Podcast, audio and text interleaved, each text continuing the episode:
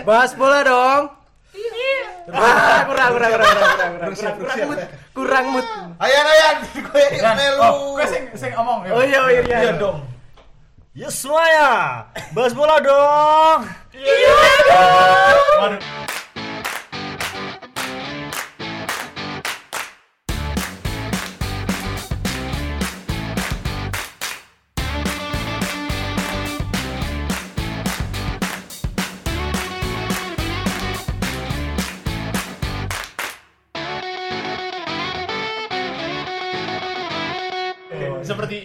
Seperti nanti. emang iya iya emang eh, biar biar kompak biar kompak dulu. Dan seperti biasa eh, masih bersama bung bung yang dari dulu menemani berpuluh-puluh episode. Bersambung. Berpuluh puluh. Pak- masih bersambung Baiman di sini. Iya, Ada- halo, halo, halo. eh, gue sendiri Satria ada Ezra ada Bung Fergi dan masih kita masih bersama bintang tamu bintang tamu dari jauh dari kota Manchester. Jauh-jauh datang Arizal dari dan juga. Bung Rian bintangnya hari ini Bintang hari Jauh ini. datang buat di roasting. Waduh, jadi kali ini dan dan eh, buat podcast hari ini sebenarnya eh, simple eh, buat eh, pembahasannya Hmm. emang MU beneran jago itu pertanyaan yang mendasar Insya Allah jago kok. siap bang jago jadi episode kali ini tuh kita intinya ke roasting. kenapa kenapa MU bisa se-struggle ini Oh. Emang struggle. Pasca erupsi Alex Ferguson. Collapse. Collapse, langsung collapse Masa gitu. kejayaan. Kejayaan ya. Eh, Kenapa MU eh, sepeninggal Alex Ferguson bisa eh, unstable seperti ini penampilannya dan eh, belum mendapatkan pakem permainan yang jelas juga emang naik turun itu kira-kira eh, faktor utamanya atau dan faktor-faktor lain itu apa Bung Rian dulu dari fans MU sejak zaman Eric Cantona. Kan Ring Cantona masih di SSB udah. Udah udah ngefans. udah Udah ngefans. Ya sebenarnya bener sih apa yang diomongin sama Bung Satria tadi mengenai hilangnya filosofi semenjak kepergian dari Sir Alex Ferguson sendiri. Sudah eh, tiga kali ganti kepelatihan sampai sekarang pun eh, filosofi bermain MU-nya juga masih ya di bawah standar dulu lah jelas. ya dari era si Van Gaal yang benar-benar filosofi permainannya apa tiki taka tapi dia gak bisa manfaatin peluang sama si Luis Van apa David Moyes yang cara mainnya aja gak jelas banget Eh, malah tapi David Moyes itu pilihannya Alex Ferguson loh. Dia Iya. langsung ditunjuk langsung. Ditunjuk langsung loh. cuma sayangnya kan pada kepelatihannya menunjukkan kalau si siapa David Moyes tidak berkompeten buat ngelatih MU. Iya, nggak nggak nggak siap eh, buat ngehandle pemain-pemain Iya, MU sih. apalagi kan itu mungkin juga karena beban berat tertancap di pundak si David Moyes ya. Iya sih.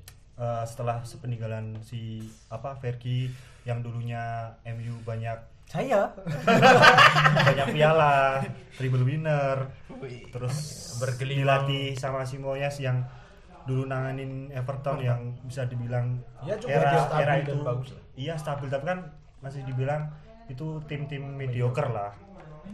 Jadi buat nanganin sekelas tim MU masih kurang sama si filosofi eh, Jose Mourinho yang parkir bus itu sangat tidak cocok sama Filosofi sejati dari Manchester United yang menyerang, menyerang dan menyerang. iya dan iya bener sih yang bilang Bung Rian tadi bahwa pengganti-pengganti Ferguson ini adalah tiga tipe pelatih yang Berbeda semua. beda semua. Beda semua dari Mourinho, Van Gaal dan juga Moyes itu Moyes itu emang beda semua dan ketika Moyes. ketika eh, pemain-pemain MU harus beradaptasi dengan dengan eh, strategi dari pelatih-pelatih ini pun emang sebenarnya nggak mudah. Beda dengan Fergie, Fergie itu dia dikenal juga dengan karismanya dan juga dia tegas di di apa namanya di locker room. Iya. Dan bahkan wasit pun kadang Takut. semacam kayak diintervensi Ter- juga. ter- Kan ada dulu ada ada yang namanya. Fergie time. Versi Iya. time. Iya. itu di menit-menit akhir Iya, ya. sering Dia yang juk jam tangan. Dia gestur jam tangan gitu, liatin, wah langsung mainnya gila-gilaan. Iya, itu emang eh, salah satu ma- masa-masa MU paling ditakuti adalah paling gila Iya, masa-masa Cuma- eh, sekarang tuh yang dilihat dari MU itu pemain pemainnya bagus, pemain label timnas. Banyak banyak mayoritas pemain label timnas. Mahal juga. Tapi kenapa kadang mainnya eh, kayak eh, nggak sesuai kapasitas mereka gitu. Eh, kalau aku lihat dari beberapa pemberitaan nih sebenarnya rusaknya hancurnya MU tuh pas datangnya si siapa Louis van Gaal yang dia itu ngejual beberapa pemain inti eh, peninggalan dari Sir Alex seperti siapa sih Fabio ah Rafael Fabio terus Cleverly. Cicarito nah, Cleverly Cleverly yang kadang-kadang bakal jadi the next Carrick atau Scholes Tapi tapi malah emang emang Dijual. eh, Cleverly emang setelah itu emang dia nggak bersinar sama sekali ya. Iya, Iya, sekarang salah satu iya, emang karena dia nggak berkembang. 82 itu masih ada tapi yang disayangkan itu si Rafael yang iya Rafael padahal masih bagus ya bagus banget sumpah. Sampai sekarang pun masih bagus kan? Sama si Iya, yang lumayan. disayangkan itu si Johnny Evans yang sebenarnya. Ya di MU mungkin dulu nggak apa ya nggak kurang Mungkin kurang- masih tertutup sama Ferdinand Vidic lah. Hmm. pada era itu sama ada si Osi juga. Buset. Iya, kalau kalau back tadi dibilang Johnny Evans, di Leicester pun sekarang Johnny Evans udah termasuk back yang cukup bisa dibilang cukup stabil ya. Iya. Daripada back Berpengaruh. Iya. Di samping kalau Leicester di samping uh, Caklar Sayunji juga. Iya. ya itu sayangnya si Van Gaal itu nggak bisa ngelihat potensi pemain yang eh, istilahnya bakal berkembang di ke depannya nggak kayak si Werki yang bisa benar-benar dia jitu banget bisa ngelihat kayak si Giggs terbukti berhasil terus Sebenarnya iya, sebenarnya yang uh, juga yang salah satu ya faktor yang emang uh, signifikan sekali bedanya itu adalah uh, pelatih-pelatih penggantinya ini nggak punya nggak bisa jadi sosok father figure buat Iya. pemain-pemain muda. Beda dengan Fergie. Fergie itu bahkan uh, sama Ronaldo uh, Ronaldo udah anggap dia kayak ayah sendiri Iya. gitu. Ya emang salah satu mungkin uh, buat pemain-pemain muda figur pelatih yang bisa jadi father figure itu emang bagus buat mereka karena bisa membantu mereka buat berkembang dan bisa nyaman di antara pemain-pemain senior yang lain me- menciptakan eh, apa namanya PD juga buat buat pemain-pemain muda ini juga. Kan MU juga sempat ada banyak kali pemain-pemain muda yang akhirnya juga gagal bersinar kayak Adnan Januzaj juga kan. Nah, itu bagus sebenarnya sih. Terus yang mungkin kalau sekarang sih ada harapannya sih sama si Ole yang berani percaya sama pemain-pemain muda kayak si berani ngasih kesempatan ke tim utama kayak Teden Mengi terus Mason Iya. Greenwood terus sama James Garner Dylan Levitt pun bahkan juga dikasih kesempatan buat masuk ke tim utama. Mungkin ya Eh, semoga jadi awal buat apa yang seperti dibilang Mas Satya tadi apa father Father figure. father figure. MU ya ada harapannya dari si Ole ini sih. Terus kalau kalau dari segi transfer pemain ya, eh, zaman Fergie dengan zaman selanjutnya itu emang jelas-jelas berbeda. Kalau zaman Fergie itu siapa sih siapa sih yang tahu pemain itu gitu loh? Tahu nah iya itu, kan? iya Siapa sih yang tahu Park Ji-sung gitu loh? hmm. Iya iya. Kenapa kok Fergie bisa banget. Berbeda dengan sekarang. Sekarang Siapa eh, sih eh, yang siapa sih yang tahu BB? Waduh. Nah. Waduh, ya walaupun dia emang aneh juga, salah satu transfer aneh. Baru mau disebut.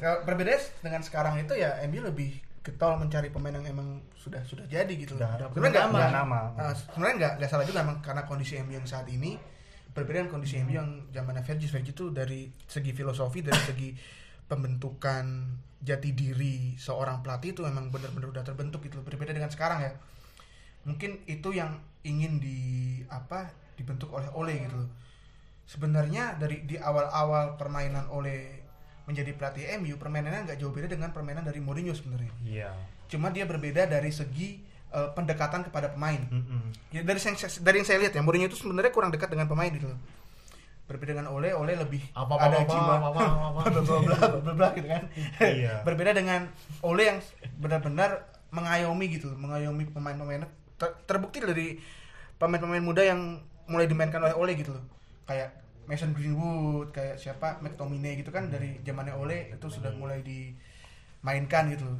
mungkin perlahan eh, akan menyerupai sosok dari Fergie Iya, iya sih kalau apa yang dikatakan si Izra barusan nih benar, benar banget kayak si Mourinho itu kan dia itu tipikal pelatih yang pilih kasih. Hmm.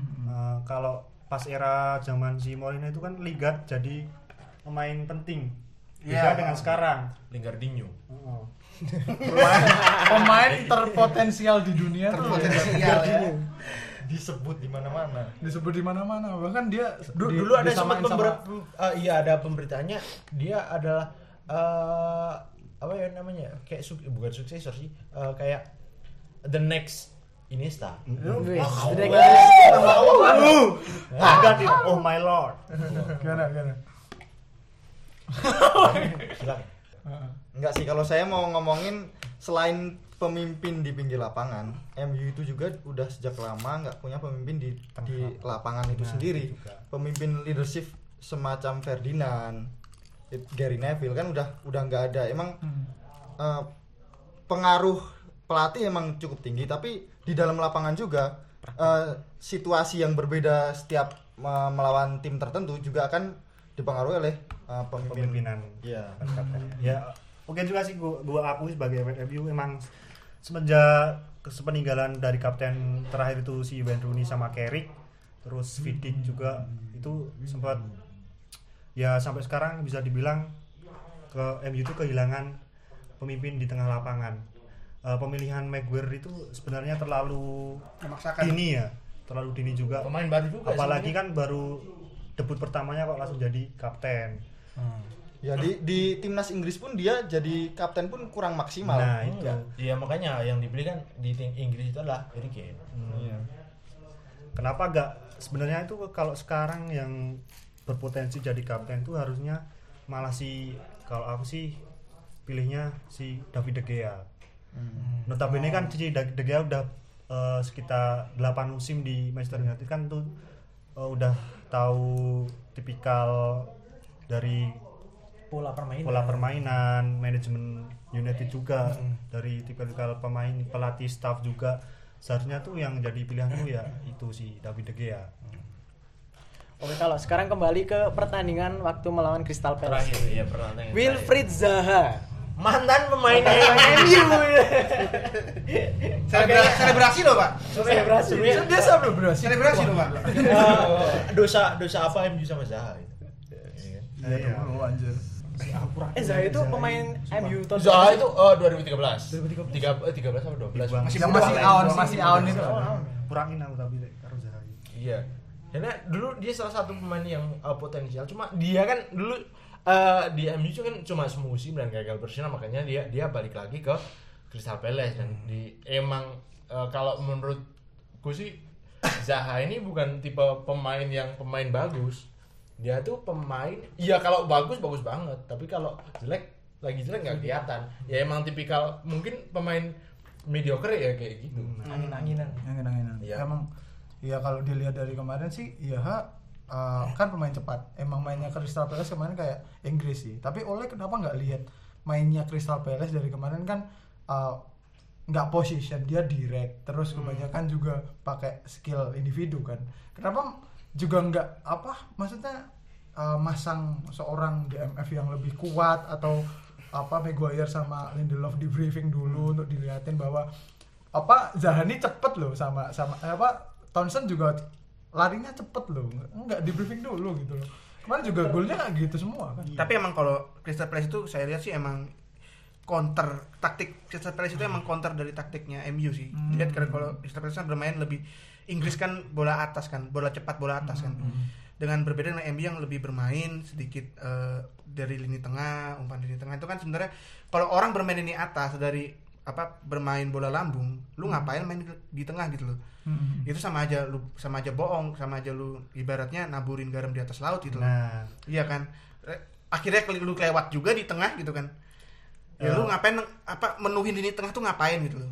itu pun juga si Doni pun kemarin juga setelah pertandingan meng- mengomentari bahwa permainan MU itu sebenarnya ya iya benar menguasai bola tapi dia tidak dapat menyentuh gawang sedikit pun dari eh, Crystal Palace. Seorang Donny van Beek yang pemain baru itu berbicara seperti itu berarti kan eh, sebenarnya MU itu juga masih butuh murni penggedor penyerangan ya. Martial itu tipikal striker yang kurang sebenarnya greget juga sih. iya Martial bukan bukan tipe Angin-anginan target man juga. sih. Oh, Target target man. man. Ya, MU kurang kurang target man sebenarnya. Iya emang eh, sebenarnya banyak pemain-pemain bintang dan pemain-pemain bagus yang ke, ke MU malah dia nggak bersinar. Nah, Gitu. itu. Contoh kayak eh, siapa Lukaku, kemudian Alexis Sanchez dan yang lain-lain itu pun di, di klub barunya mereka Di Maria. bersinar dan di Maria juga dan ketika di MU dia mereka tuh nggak jalan itu kira-kira eh, faktor utamanya itu apa sih? Apa apa? dari kayak pemain-pemain bintang, Pemain-pemain bintang yang kayak Lukaku, Sanchez yang, Ah, yang di Maria yang di klub lain nyetel. itu nyetel, kenapa di MU bisa gagal? Nah mungkin ya itu karena beda filosofi permainan dari pembacaan si kalau kan era di Maria itu kan eranya si Mourinho ya. Iya. Nah, dia itu juga waktu di Real Madrid pun si Di Maria itu kurang greget juga sama Di di musim terakhir. Dan- dan sama musim, musim terakhir sama Mourinho. Terus sama Alexis Sanchez yang ya itu kan karena masalah ketimpangan gaji di dalam tubuh Manchester United antara iya. si Alexis Sanchez Dan- dan, pemain pemain lainnya jadi kayak iri terus Dan banyak drama sih Ah, sebenarnya. iya. Dia kayak, Drama. kayak di- apa bahkan di Maria pun dia kayak benci banget sama MU setelah sekarang, iya, iya, setelah, setelah sekarang. itu dan uh, Sanchez pun di apa nggak lama ini dia bikin statement bahwa ketika Menyesal. dia iya menyesal. Ke pindah ke MU ketika uh, latihan pertama dia menyadari banyak yang berbeda dia pulang dia ngomong sama keluarganya ngomong sama agennya bisa nggak batalin kontrak dan balik ke Arsenal? Dan ya emang nasi udah jadi bubur kan? Dan kita bisa lihat sisanya Alexis emang nggak Nggak sama nggak sekali. nggak perform sama sekali. Dan ketika uh, dia pindah ke Inter Milan dia bisa li- bisa dilihat dia bagus juga sih. Seka- sekarang dia dia dia uh, performnya naik juga dan beda ketika di MU mungkin salah satu uh, kalau menurut gua faktor yang bikin MU nggak berkembang itu adalah faktor di luar lapangan Sebenarnya saya sebagai fans Liverpool ya cukup kangen sih dengan intensitas permain intensitas eh, rivalitas rivalitas Rivalitas dari MU, MU. Liverpool sebenarnya cukup kangen sih. Tapi sekarang udah timpangnya udah jauh banget ya. Malah sekarang dari di kembarannya sekarang. saya kira kurang greget kok sama City itu kurang greget pak. kurang kurang Kurang penontonnya tuh. Nggak Ya, lah itu. Eh, itu masalahnya. Itu masalahnya. Manchester Dulu saya masih inget dulu tuh, walaupun Liverpool jelek ya, MU maksudnya ibarat masih di atas itu, tapi permainan tuh masih bisa tahu sendiri kan Bung Rian, Ah, ah. permainannya tuh masih eh Enak. kayak seimbang gitu loh. Ah, ah. Walaupun dulu Liverpool zaman Roy Hudson ya gitu kan terus. enggak Ya, pokoknya, pokoknya masih masih ada masih ada greget tapi sekarang kayak MU saya lihat tuh kayak malas-malasan males-malesan kayak nggak kayak nggak ada semangat gitu loh. Kayak, Kayak bukan kayak bukan kayak bukan derby lagi gitu. kayak potong-potongin aja itu gaji pemain MU yang tinggi-tinggi Oh, oh. kalau nggak perform ini kayak iya sebenarnya harusnya eh, MU itu banyak ngejual pemain yang bergaji tinggi ya seperti Lingard, Andres Pereira. Lingard tinggi, Bang? Tinggi dia, Tinggi. termasuk tinggi, dia. Tinggi dia. dia. Wow. Andres Pereira. Andres juga Iya, Andres Pereira tinggi? Terus si Fred juga yang dipertanyakan kontribusinya Aduh. sampai sekarang. nggak tahu deh Padahal kenapa. Fred di Shakhtar Donetsk bagus loh. Fred ya Iya, padahal di Shakhtar Donetsk bagus. Bagus Terus banget. Yang Saya jadi permasalahan sekarang itu malah Pogba. Ya, Pogba itu kalau nggak tengil itu nggak mainnya itu nggak, uh, nggak greget banget. Oh. Beda dengan waktu dia tengil di Juventus. iya Kalau dia tengil itu malah mainnya itu keren. Se- kalau sekarang mah lebih alim tiap Jumat si Pogba dengerin. Aduh, Oh. aduh, berarti dia dia masih suka zaman zaman Nggak tahu gitu. zaman di Juve masih banget, suka maksiat. iya Italia Oh iya, Italia nggak tahu tapi kalau dilihat dari uh, belakangan ini kalau ditanyain kenapa uh, MU bobrok ya semua fan hampir sama sepakat bahwa mereka nyalahin manajemen Manajemen. semuanya gitu kan Iya. tapi kalau dilihat emang manajemennya emang Leda-lede. iya emang Ya kayak perlu gitu sih kayak Uh, perlu dibakar lagi rumahnya kayak. Waduh, waduh, sampai gini loh Serem tuh, serem, serem bener serem. Iya kan waktu kemarin pas transfer sebelum Iya, iya, iya, yang kemarin. siapa ya? Ah pokoknya itu si Ot- rumah dari Worldwide itu dibakar dulu sama Iya, dilempar Oh, oh, flare. dibakar. di di mana enggak uh, Kayak di, dilempar kayak molotov gitu kan. Oh, gini loh sampai iya sampai fans uh, klub, klub lain itu sampai miris ketika Enggak, kayak enggak miris ketika dia dia pengen pe- pe- apa fans pengen ada Jordan Sancho sampai di Oh, iya. itu loh sampai di galang dana oh, iya. iya Open mungkin- donasi loh. Mungkin, mungkin yang di Indonesia bisa pakai kita bisa. dia Tapi untuk untuk sekelas klub MU malu sini. Ya sebenarnya Gitu. eh, aku ikut malu banget sih ada kayak donasi Sampai juga. kayak gitu. Saking frustasinya mungkin ya. kayak MU yang bisa dibilang M klub terkaya di dunia kok sampai sampainya bikin open donasi buat beli Jadon Sancho yang Nah, harganya oke. pun Kalau urusan Jadon Sancho sebagai fan City saya pun penasaran. kenapa, kenapa MU butuh Ngebet main banget eh, sama butuh main sama eh, kayak gitu gitu loh. Nah, oke. Kalau sekarang ngandelin Greenwood buat beberapa ngelakuin beberapa pertandingan seperti Liga Champion, padanya pertandingan Liga Champion, Piala FA, terus Liga Inggris, itu nggak mungkin banget ya. Ya nyambung ngomong omongan Jadon Sancho ya dari si Rifsal tadi kalau sekarang MU mau ngandelin Greenwood yang masih usia 21 tahun itu nggak mungkin banget ya buat ngelakuin pertandingan yang begitu banyaknya. Terus ditambah eh, penggantinya itu Daniel James itu eh, aku rasa nggak klop dia main di kiri eh di kanan. Sebenarnya Daniel James itu kan posisi murnya itu di winger kiri. Kayak kemarin pas waktu di timnas Wolves dia kan mainnya cukup wah oke banget sih bisa dibilang oke banget ditaruh di kiri sama si Iya. Giggs Keren sih. Dia dia dia, dia larinya juga kencang, Heeh. dribblenya bagus. Eh, dia salah, salah, salah satu yang pemain yang gue suka dari MU Daniel James. Sebenarnya. Iya. Sebenarnya. Oh, lagi Cuma- bagus. Ya, ya, ya, Ya, itu. sebenarnya dia bagus. sebenarnya dia bagus tapi kemarin Salah salah posisi, posisi iya. dia dikasih di RWF ya Si Ole pun juga masih ya. kayak kepala batu juga sih. Kenapa sampai sekarang masih nempatin si Daniel James itu di winger kanan? Iya. Padahal udah beberapa match di si James tuh main di kanan itu nggak maksimal banget mainnya, malah cuma lari-lari ke kanan ke kiri ke kanan ke kiri gitu. Beda kalau dia itu dipasang di kiri, dia bisa ngasih assist, dia bisa menusuk ke pert- pertahanan lawan juga. Nah itu, jadi eh, pada intinya MU itu juga sangat butuh si Sancho, sangat butuh sekali buat eh, jadi apa ya? Penyambung bola ya. pesaing Greenwood sama si Sancho. Buat ngimbangin lah mosok eh, Greenwood nggak ada saingannya gitulah. Apalagi kan si Greenwood masih usia belia. Jadi dia masih butuh pengalaman butuh jam terbang juga butuh mentor juga. Nah itu.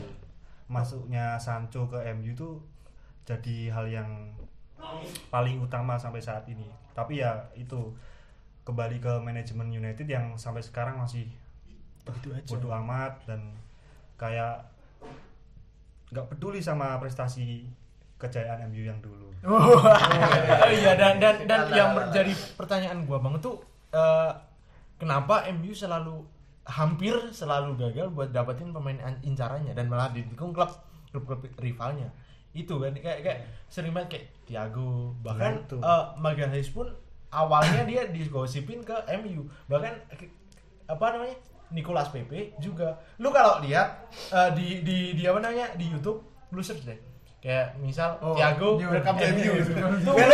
Banyak banget di YouTube.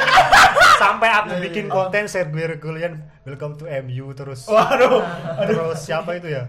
Eh adalah Bale. Alcantara Kayaknya- juga, Gareth Bale juga. kayaknya hampir eh, hampir tiap eh, klub besar eh, Premier League itu pernah datengin pemain imitrnya MU deh. Apa mungkin itu? Emang Arsenal enggak? sih apa mungkin juga karena permainan media ya? Kan kita tahu kalau sekarang kalau apa-apa yang dibahas di media itu tentang MU pasti itu ratingnya itu langsung naik Oh, iya nah itu buat ladang mencari uang media-media di luar sana mungkin Tetep yang nggak MU nggak makan gitu. Iya. Anda uh, MU nyindir, makan, nyindir kita ya. Sebenarnya enggak kalau bicara traffic Berhasil. ya, emang traffic fans MU emang Emang tinggi. Iya. tinggi. Ada MU, MU dikit klik ada ada ada MU duit. saya melihat peluang gitu. Nah, kok jadi kayak nyerang saya?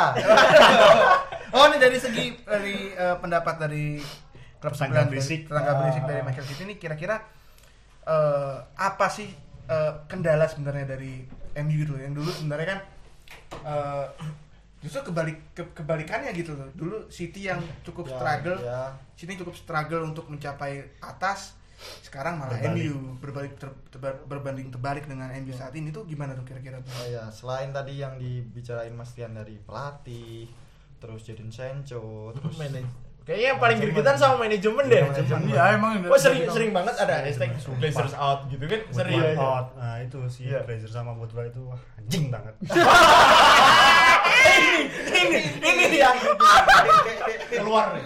Gimana nih Bung Ical? Pendapatnya gimana Bung? Eh, sebentar, saya juga mau tanya sebenarnya eh, beberapa match ini kan Henderson udah kembali nih. Oh iya Dan Henderson. Kenapa Sampai belum yang dipakai. De Gea? Yang dijawab itu dulu. Eh, kalau masalah di Henderson ya mungkin kalau menurut aku sebagai pelatih online, bukan, bukan, bukan. Maaf ya sama nilainya. Kalau mau ngasih kesempatan ke Dean Henderson itu mungkin jangan di BPL Inggris Premier League ya di laga-laga IPL itu masih gimana ya masih situasi di Sheffield United sama Manchester United itu sangat beda bebannya Ya. uh, dengan di MU sekarang. Oke, mungkin di bisa dibilang di Sheffield United si Dean Henderson itu cukup mainnya cukup oke, Impresif. uh, sangat baik juga, Iya. bahkan di kadang-kadang bakal dapat Golden Glove, tapi yang malah dapat malah si Ederson. Aduh. Henderson. Tapi emang emang emang di- dia eh, Henderson ini emang salah satu kiper calo eh, apa namanya Calon kandidat kiper utama di timnas Inggris sih. Hmm, iya. Eh, kalau dilihat mungkin kayak sayangnya kayak Pickford. Pickford sebenarnya bagus cuma posturnya dia Iya, masih kurang kur- iya ku- ku- kurang proporsional buat buat Iya, kiper mungkin si sekelas Ole ini. bakal ngasih kesempatan si Dean Henderson ini pada kayak Piala FA terus community community apa sih? enggak enggak enggak Menang itu. aja belum udah competition gimana sih? Karabau Nah, kerbau. Kalau di tingkatan liga-liga laga-laga liga Inggris mungkin saat ini Dean Henderson masih belum lah, masih Wah, atau mungkin Masih ini aja sih apa namanya eh De Gea jual aja ke Chelsea nanti duitnya buat beli Upamecano bagus tuh. Kan masih ada Dean Henderson.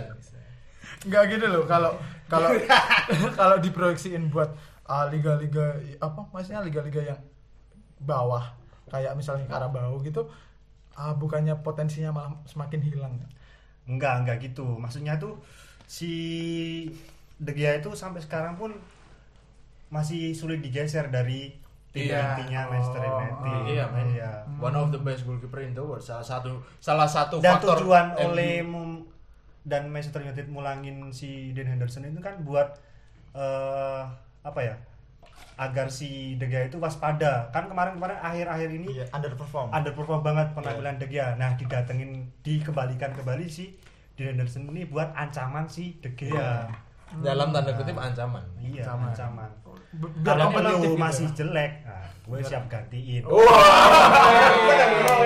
best, the best or nothing. Emang kita nggak salah nyari Kiper jurusan. Kiper jurusan. Andalan. Andalan kita. Adalah kita. Tapi kalau berbicara berbicara soal ini emang gak ada habisnya sih ya terutama habisnya. dari segi ke ke anjlokannya Kebapukan. kebapukannya kebab Kan belum belum Ira. troll dari tadi. ya. ya, soalnya kasihan Kasihan gitu loh. dari, dari soalnya udah melas melasan Eh, Cuma wa- walaupun itu panas loh ini loh MU udah dapat dapat eh, trofi be- ya beberapa trofi bagus kayak kayak eh, Europa League juga, eh, FA Cup juga juga kan setelah Iya. setelah eh, eranya Fergie. Cuma permainan MU gitu-gitu aja. Sampai sekarang ada peningkatan dan nggak jelas juga permainan MU. tapi kalau untuk peningkatan saat ini di zaman Ole emang udah peningkatan Iya. udah cukup cukup signifikan sih terutama dari dari segi alur bola dulu zaman Mourinho mau ke mana kan enggak jelas Ke belakang.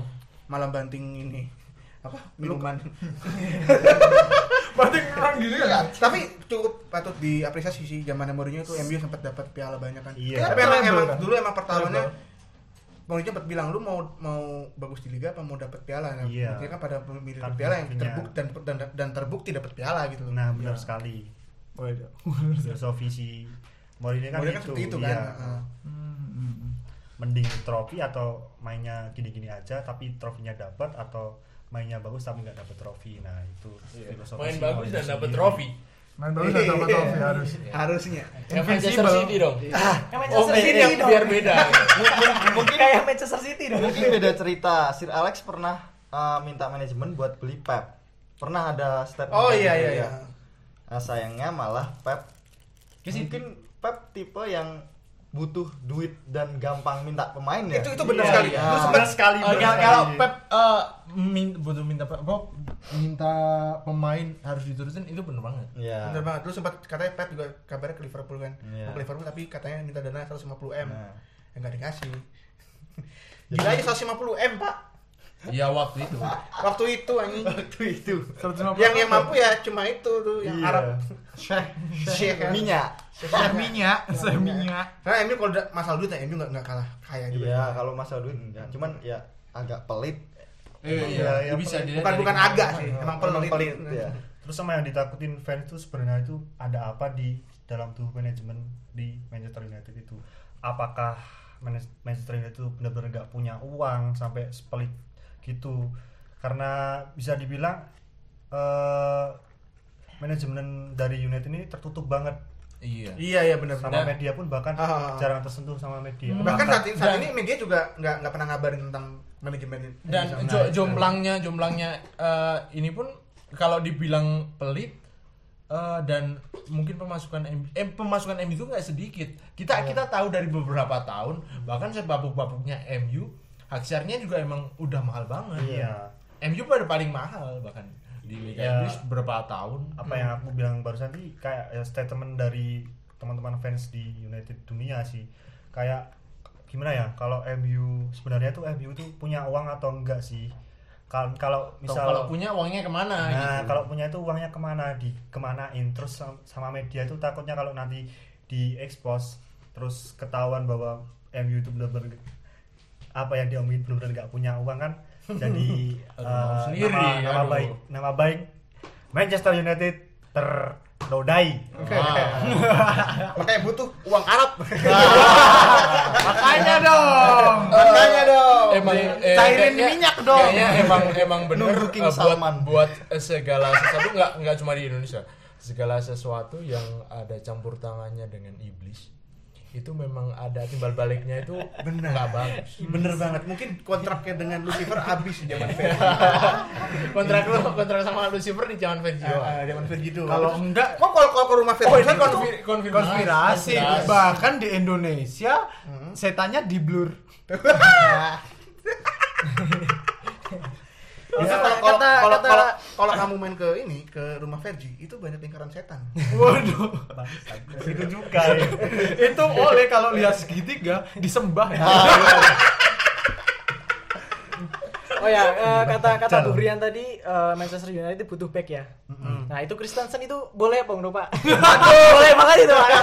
tumbal tumbal tumbal Nanti Sam- buat sam- pegrepe gini, gini. Sadio Mane. Kalau MU beli si Christensen sama juga MU bikin parodi lawak lah. Aduh. Udah ada Beri. Maguire dong. di delong udah Tapi kalau Phil Jones bikin ketoprak. Tapi sebenarnya Phil. Jones sebenarnya eh, emang bener-bener maksudnya effortnya itu emang tinggi banget untuk seorang back sih ya sampai Iya. untuk bertahan sampai guling-guling masih jadi Eh, tapi guli-gulinya nggak gitu juga. Sampai buat ever he wanted juga. iya iya emang uh, sosok Puyol itu ada di Phil Jones ada iya iya Puyol banget Puyol banget. Dia mau ngapa-ngapain? yang Iya. cocok jadi kapten itu Phil Jones Phil Jones Phil Jones tuh wah gila lebih dari Vidic dari Ferdinand dari mau Iya, iya. lu bertahan dari dari ujung rambut sampai ujung kaki itu Phil Jones mau Iya bener bener gua yang gua paling ingat waktu lawan Arsenal itu eh, di di iya ini ini beneran A- Auba hampir hampir lost control dan slidingnya pakai kepala. Beneran. Udah jatuh Berjuang slidingnya pakai mati-matian. kepala. dan, dan itu Dan bolanya sebenarnya- out bagus. nah dan sebenarnya itu adalah nilai plus untuk yang dibutuhkan sebenarnya dari Manchester United saat ini main yang mau Dari- melawan apa? bermain yang maksudnya itu? bermain yang maksudnya bermain dengan mental ingin menang mental mental tapi kan mental bukan mental ngelawak ya mental ingin menang mental kompetitif mental nggak mau kalah gitu loh Semangat juang tinggi. semangat juang tinggi sebenarnya itu yang dibutuhkan MU saat ini sebenarnya Semangat juang. mungkin Phil Jones jadi striker Iya. Iya bener. tapi tapi maaf banget untuk fans Arsenal. Kalau menurut saya sendiri, Phil Jones itu lebih dari Tierney. iya Ya beda lah. Udah ada jangan jangan kalau itu close statement Udah close Bentar, bentar, bentar. lu bandinginnya dari mana Phil Jones ini back tengah Tierney back back, back, kiri dan dia main di Arsenal pun Kalau banding, malah di sayap kalau mau banding itu Thierry sama Robertson. iya Ya, udah, udah, udah mancing aja lu, udah. Udah. Tapi Phil Jones itu sama Van Dijk bagus Phil Jones. Iya, larinya, gila. Larinya dari dari semua dari semua pas jatuh. Jatuh aja masih bisa jalan Jones. iya otot semua otot itu digerakin gitu. Terutama otot muka. sampai mukanya mlep-mlep. Otot, otot muka terutama itu mungkin dilatih. otot muka tuh dilatih gitu loh Pemain yang paling all out deh. All out. All out banget. Itu sebenarnya yang dibutuhkan. Gitu loh. pemain Makanya ini all out. fans United itu mengakui kalau si John itu masih legenda Manchester United. Wah, Jangan wah, saya- wah. Eh, udah berarti patung patung mungkin di depan. effortnya bagus banget Bagus. Eh, mungkin bakal dibikinin eh, Phil Jones stand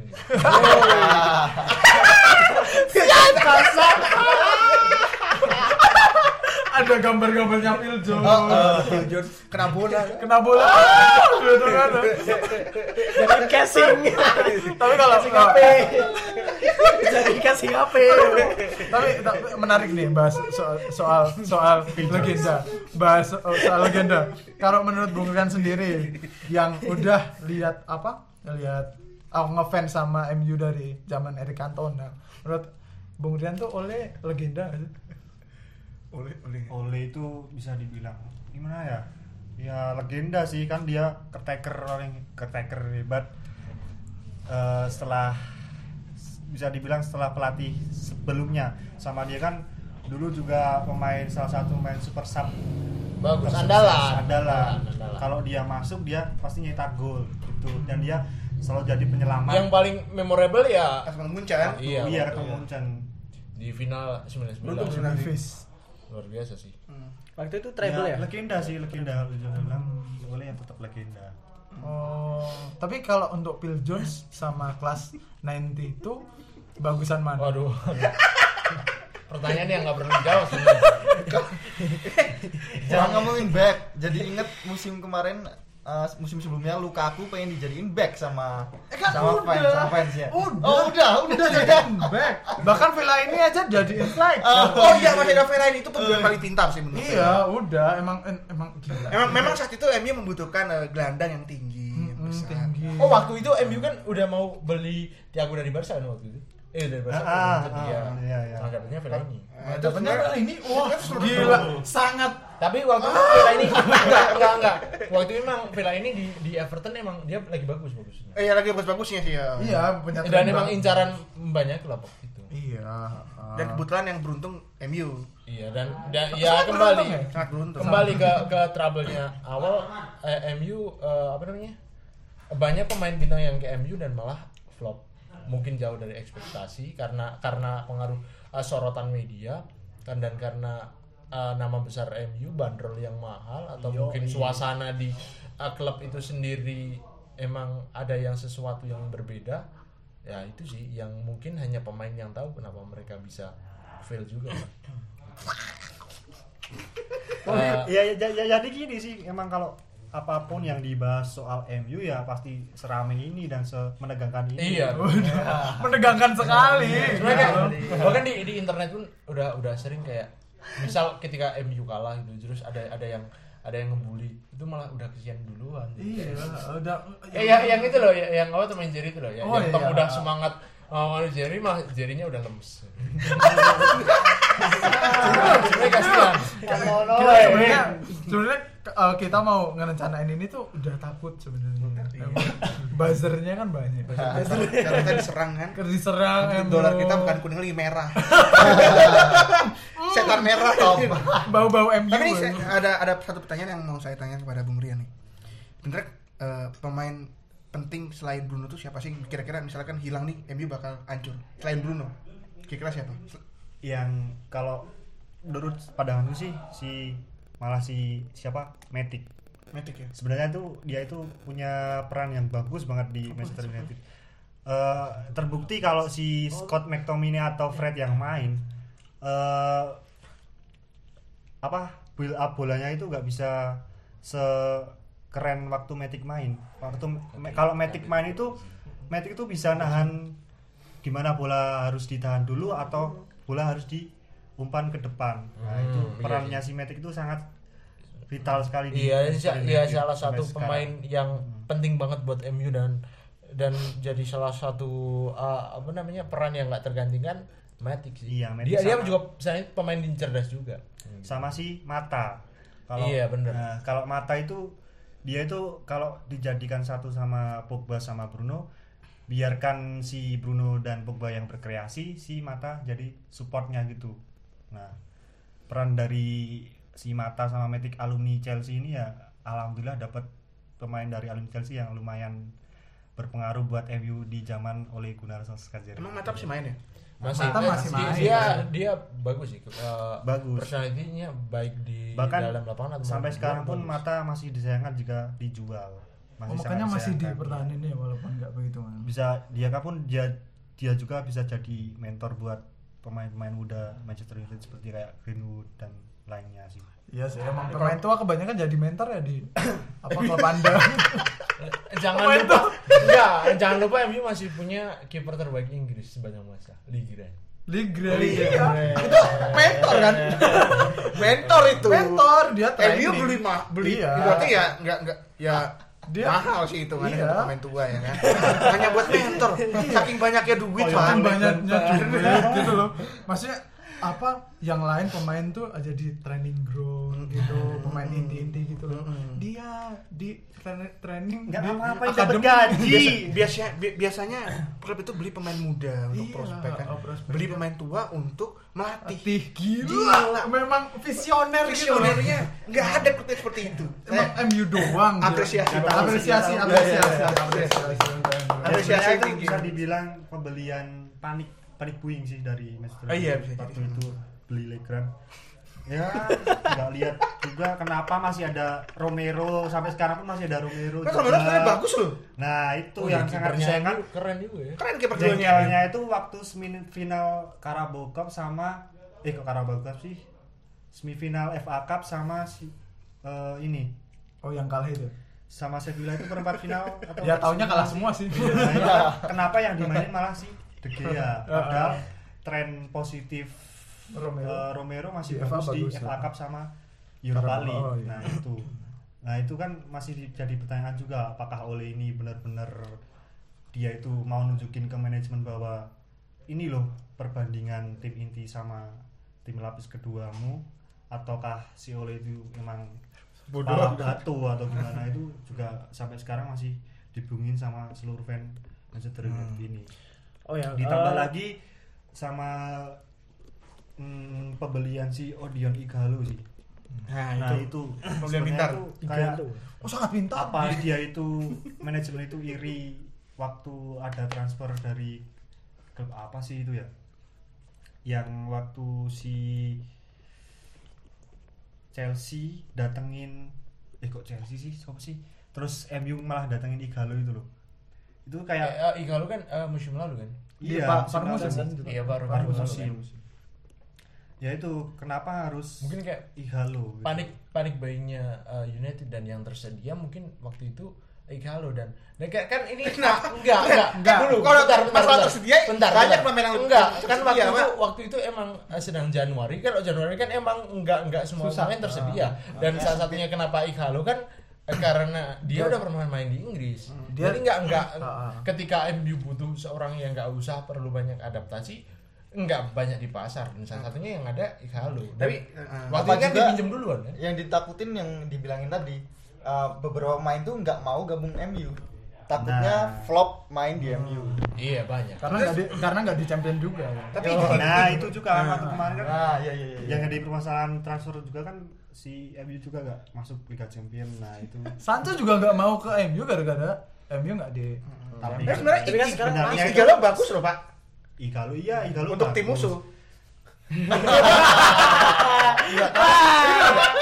Cuma awal-awal datang itu kalau emang emang mengejutkan iya mengejutkan. mengejutkan Ah. tapi eh, Nggak setelah lama. dipasang ini kan kemarin dia tuh gagal manfaatin peluang yang begitu bisa dibilang mudahnya terus dia gak jauh beda sama Lukaku juga sih Iya, oh, benar, setipik ya. apa Benar. pengambilan bola pertamanya Ah, itu masih loncat-loncat gitu. Nah, itu yang jadi permasalahan di Igalo. Ya kalau insting mencetak golnya tuh oke juga kalau si Igalo itu cuma yang disayangkan kan itu masalah pengambilan bola pertamanya First time Iya. gitu. Kalau berbicara soal Liga Champions nih, eh, Manchester United kan masuk nih season sekarang. gitu sekarang. kan.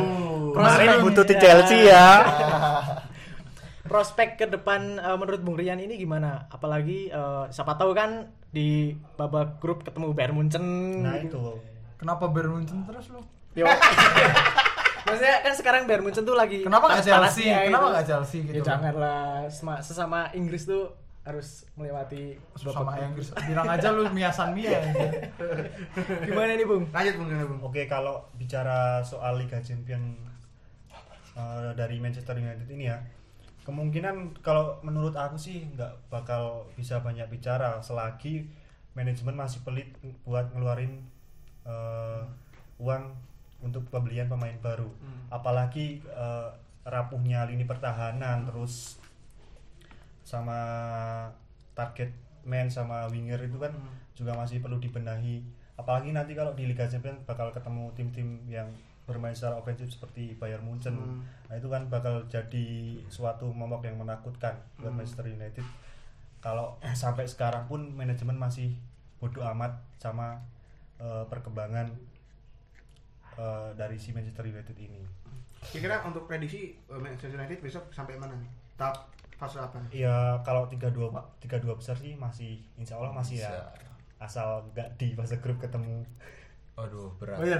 ketemu Sevilla atau sebenarnya musuh paling berat Manchester United itu Sevilla menakutkan sekali kalau ketemu Sevilla itu Iya. sudah beberapa Bukan hanya MU, Liverpool. Liverpool juga takut. Takut banget Sevilla itu menge- mengejutkan, Pak. Kalau kalau mungkin kalau di Liga Inggris eh, kira-kira harapannya nih gimana buat musim ini? Besok ketemu siapa? sebelum ya masih ada kesempatan buat juara sebelum jeda tra- eh, sebelum transfer ditutup sih. Masih Berarti ada kesempatan sih. Saya suka. Walau- dia datang Saya suka optimisme fan MU. Jadon Sancho sama kalau yang dibutuhin sih ya itu sih Jadon Sancho terus kemungkinan Dayot Upamecano. Iya ya. sama mungkin lebih manfaatin si Marcos Rojo kembali. Misalkan nggak dapat kira-kira prediksinya? Misal nih, ya cukup Celtic ya. cukup di atas. Manchester City Waduh. Wah. Waduh. Kalau Manchester City satu gimana ya? This makes sense. So make sense. Kalau City satu Kalau- berarti MU ke bawah. yang- Balik ke bawah. Balik bawah maksudnya di atasnya kan degradasi. Wah sih enggak enggak enggak sampai segitu juga. Enggak, enggak, enggak. Saya tertolong. Enggak, enggak, mungkin MU enggak, enggak mungkin kayak Chelsea dulu sih sampai bobroknya sampai mau degradasi. Ya emang ini tinggal eh, fans sudah melakukan apa pun yang mereka bisa dengan banyak protes juga. Dan tinggal ke, emang kesadaran dari manajemen juga. Dan kita lihat em, ya kita cuma iya seba- mungkin fans MU juga bisa cuma bisa berharap dengan manajemen karena tidak, tidak Iya. bisa melakukan uh, apa pun hal yang lebih. Dan kira-kira uh, terakhir nih buat uh, Bung Rian pesan buat uh, manajemen dan pesan buat seluruh fans MU di mana pun berada itu apa? Ya mungkin kalau si Woodward sama keluarga Glazer ngedengerin podcast ini ya. Amin. Amin, amin, Pakai amin. translator Indonesia langsung. Amin. Tapi kebanyakan Jepang sih gitu. Jepang banyak Terus ngedengerin suara hati fans Manchester United sejak Ah, kecil sejak SD bahkan gue suka banget sama Manchester United sejak era Ronaldo. Wah. Oh, gila. Tolonglah Ronaldo yang botak. eh, hargai Manchester United itu sebagai tim yang penuh sejarah, penuh dengan kejayaan, penuh Iya. dengan trofi. Terus jangan dijadikan Manchester itu Manchester United itu sebagai ladang bisnis. Iya. Kan kalau kita lihat sekarang itu Manchester apa si Woodward ini menjadikan Manchester United sebagai ladang bisnis bukan untuk serius menggali prestasi Iya. dari Manchester United itu Membangun sendiri dan buat eh, pesan untuk fans Manchester United tetap sabar dan Tawakal. tekan terus Nah, si Woodward Gak apa-apa, Pak. Gak apa-apa, Glazer Pak. out Itu- Woodward out Glazer out Gak apa-apa Pak, itu Kristensen masih tersedia ya. kalau dari eh, mungkin ada sedikit patah kata, dua patah kata dari tetangga berisik ya, dari Manchester ini gimana nih? Biar berisiknya tuh ada maknanya gitu. Ah, ada maknanya gitu. Nggak rasa kasihan apa gitu sama Ah, ah. Kalau saya kasihannya masalahnya MU itu kayak berat banget gitu loh. Bukan kalau klub lain kan mungkin masalahnya cuma dari pemain, pelatih, udah gitu dong. Kalau kalau MU itu kayak kayak dari manajemen, dari pemain, dari Fans. pelatih, dari fans, Kesimbangan dari. Iya, sem- semuanya tuh bermasalah rasanya. Kalau dari kacamata saya. ya itu Ya itu maka dari itu kan apa pun kalau manajemennya bagus pasti semuanya bakal bagus. Iya, benar. Seperti yang diajarkan eh, teman-teman di ilmu komunikasi ini kan. Kenapa anda pakai ide? tunggu tunggu tunggu kenapa anda Eh, buat mungkin dosen kami yang dengerin eh, bisa menyimak nanti kalau dilancarkan sebuah skripsinya ya. Iya. nah itu loh mas. Udah, mas- masih ada, masih ada nih? mungkin Kondusif. Mungkin harapan-harapan saya sebagai eh, rival ya dari- dulu ya. MB gini aja lah bagus lah. Mungkin eh mungkin bakal bakal Harapan anjing. eh, rindu soal rivalitas dulu. Eh, ketika Liga Inggris memang dihuni banyak-banyak pemain yang luar biasa. Contohnya di MU juga ketika rivalitas dulu MU Arsenal di tahun awal tahun 2000-an akhir tahun 90-an itu emang rivalitasnya itu ya dua klub itu. Dan ketika Inggris kehilangan rivalitas tersebut memang ada agak ada yang kurang ketika kayak eh, Inggris kehilangan Liverpool yang masa jayanya juga. Dan eh, mungkin saya harap buat semua buat terutama klub-klub legendaris di Inggris sih bisa kembali eh, menjadi klub besar di Inggris. Bahkan m- mereka yang kan eh, nggak nggak apa namanya nggak kalah dengan klub-klub yang disokong dengan dana besar gitu. Hmm. Ya mungkin semua fan itu rindu pada era-era The Big Four itu ya. Ya. ya The real Big Four. the real The real the Big real Four itu big kan. four The real ya, the real ya. Eh, Manchesternya merah pokoknya Manchester yang merah, Liverpool Merseyside merah Manchester merah, London merah London merah, Ah. dan London biru. dan biru The Oh, real Big nggak Four. ada yang apa biru laut. Nggak ada Oh, nggak ada. Itu dulu. Pas sekarang kan sekarang beda big fournya sekarang big six sih sekarang kenanya Oh, oh. Dilebarin. Ada lagi nggak? Oh, ini, ini sih harapan mungkin harapan kita semua sama yang mungkin kita ingin lihat MU yang Lebih bagus. lebih bagus lagi lebih baik lagi kompetitif. tertata, tertata tertata lagi. dan ini podcast ini uangnya akan kita donasikan ke Manchester. United Untuk Jordan Sancho. kita kita pendukung Jordan Sancho. Mungkin sekian dulu podcast dari kami Bentar, bentar. oh, ada lagi mau bilang apa? Apa? Nah, kan- Oh ya. Jangan lupa Enggak, apa MU untuk MU. Oh dari fans Chelsea. Dari Chelsea kan dari big four dulu ya real Big Four. eh, ya udah gini aja bagus kok. sama sama pakai Eza. kan penting aku tutup Oh iya. Oh ya, uh, uh, untuk MU sendiri uh, MU adalah sebuah cerminan bahwa uh, ini agak serius. Hidup itu enggak, hidup enggak. Cerminan bahwa sepak bola itu entertainment. ya sepak bola itu bundar Sepak bola itu adalah komedi bola itu bola itu bundar dan semuanya itu adalah guyonan. Hmm. bola itu adalah teman Bola itu adalah teman. Hmm. Kami selalu untuk MU. MU Eh, enggak MU, enggak makan. GGMU. Guyon-guyon Manchester United. kita Jangan lupa buat follow Instagram kami di @bahasboladong underscore dan juga di Twitter. Boladong jadi sekian dulu podcast dari kami tunggu-tunggu podcast berikutnya so goodbye goodbye MU anjing banget, anjing banget.